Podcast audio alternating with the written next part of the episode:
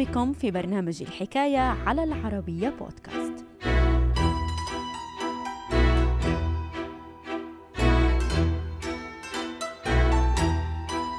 هكذا كان يستخدم المورفين لتسكين الآلام وهكذا أصبح الهيروين دواء لعلاج الإنفلونزا. تفاصيل الحكاية في مقال للكاتب طه عبد الناصر رمضان بعنوان كيف اكتشف مخدر المورفين ومن أين جاءت تسميته؟ الحكاية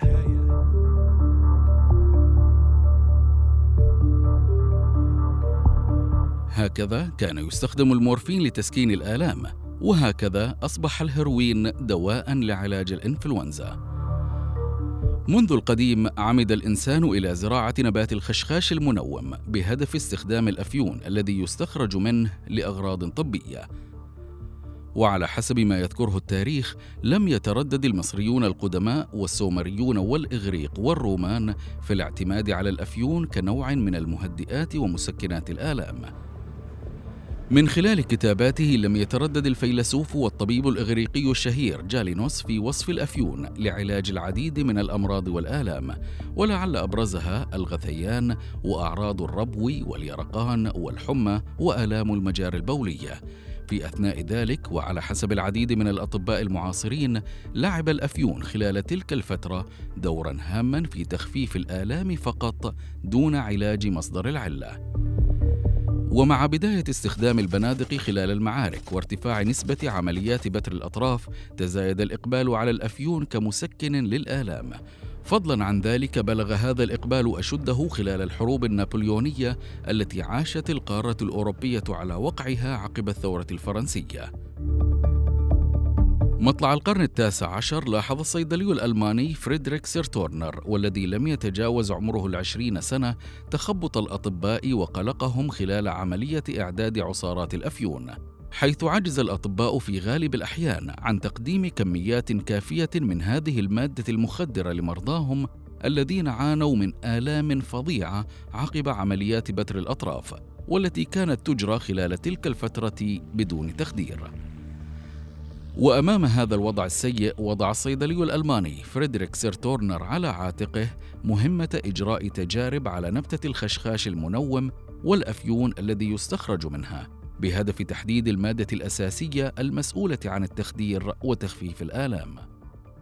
خلال تلك الفترة اعتمد الصيدلي الألماني كثيرا على الفئران والكلاب أثناء تجاربه، حيث لم يتردد الأخير في تقديم جرعات من المواد المخدرة إليها ليتمكن على إثر ذلك في حدود سنة 1804 من استخراج مادة شبه قلوية من الأفيون مسؤولة عن التهدئة وتخفيف الآلام. على إثر نجاح تجاربه لم يتردد فريدريك سيرتورنر سنة 1805 في مراسلة إحدى الصحف المختصة في مجال الصيدلة مؤكدا نجاحه في عزل العنصر المسؤول عن تخفيف الآلام الموجود بالأفيون. ولكن القائمين على هذه الصحيفة تجاهلوا مراسلته بسبب نقص في مناهج البحث. وعلى الرغم من كل ذلك لم يفقد فريدريك سيرتورنر الأمل ليواصل الأخير تجاربه خلال السنوات التالية. وفي حدود عام 1817 لم يتردد هذا الصيدلي الألماني في تجربة المادة شبه القلوية التي استخرجها من الأفيون على نفسه. فعلى إثر شعوره بآلام شديدة على مستوى ضرسه لم يتردد فريدريك سيرتورنر في تجرع كمية من المادة التي عزلها من الأفيون. ليتأكد عقب ذلك من خصائصها المسكنة للآلام. وتزامنا مع ذلك وبهدف تحديد كمية الجرعة الملائمة أقدم الصيدلي الألماني على تقديم هذه المادة المخدرة إلى عدد من المتطوعين. على إثر ذلك لم يتردد فريدريك سيرتورنر في إطلاق تسمية مورفين على هذه المادة التي نجح في استخراجها من الأفيون. وقد جاءت هذه التسمية نسبة إلى إله الأحلام لدى الإغريق مورفيوس. فضلا عن ذلك أثبتت العديد من التجارب التي أجريت لاحقا أن المورفين على شكله النقي أقوى بعشر مرات من الأفيون. خلال الفترة التالية اعترفت العديد من الأوساط العلمية العالمية باكتشاف فريدريك سيرتورنر للمورفين ليحصل الأخير عقب ذلك على العديد من درجات الدكتوراه الشرفية والتي لم تتردد الجامعات في منحه إياها. فضلا عن ذلك باشر الصيدلي الألماني بترويج وبيع المورفين لعامة الناس كمسكن للآلام. خلال الحرب الأهلية الأمريكية لقي المورفين رواجا كبيرا حيث استخدم هذا المسكن بكثافة من أجل تخفيف الآلام عقب عمليات بتر الأطراف. وعلى إثر نهاية الحرب وحفاظ الولايات المتحدة الأمريكية على وحدتها وجد مئات الآلاف من الجنود الأمريكيين أنفسهم مدمنين على المورفين. والذي بقي إلى حدود مطلع القرن العشرين متوفرا في الصيدليات دون وصفة طبية.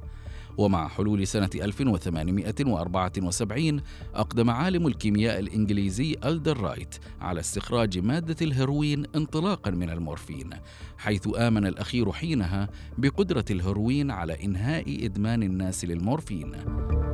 ومنذ أواخر القرن التاسع عشر وإلى حدود عشرينات القرن العشرين اعتمد الهيروين كدواء لعلاج نزلات البرد والسعال لكن مع إثبات خصائص الإدمان الموجودة به تم رسميا منع إنتاجه وتجارته على الأراضي الأمريكية بموجب قانون مكافحة الهيروين والذي مرره الكونغرس الأمريكي سنة 1924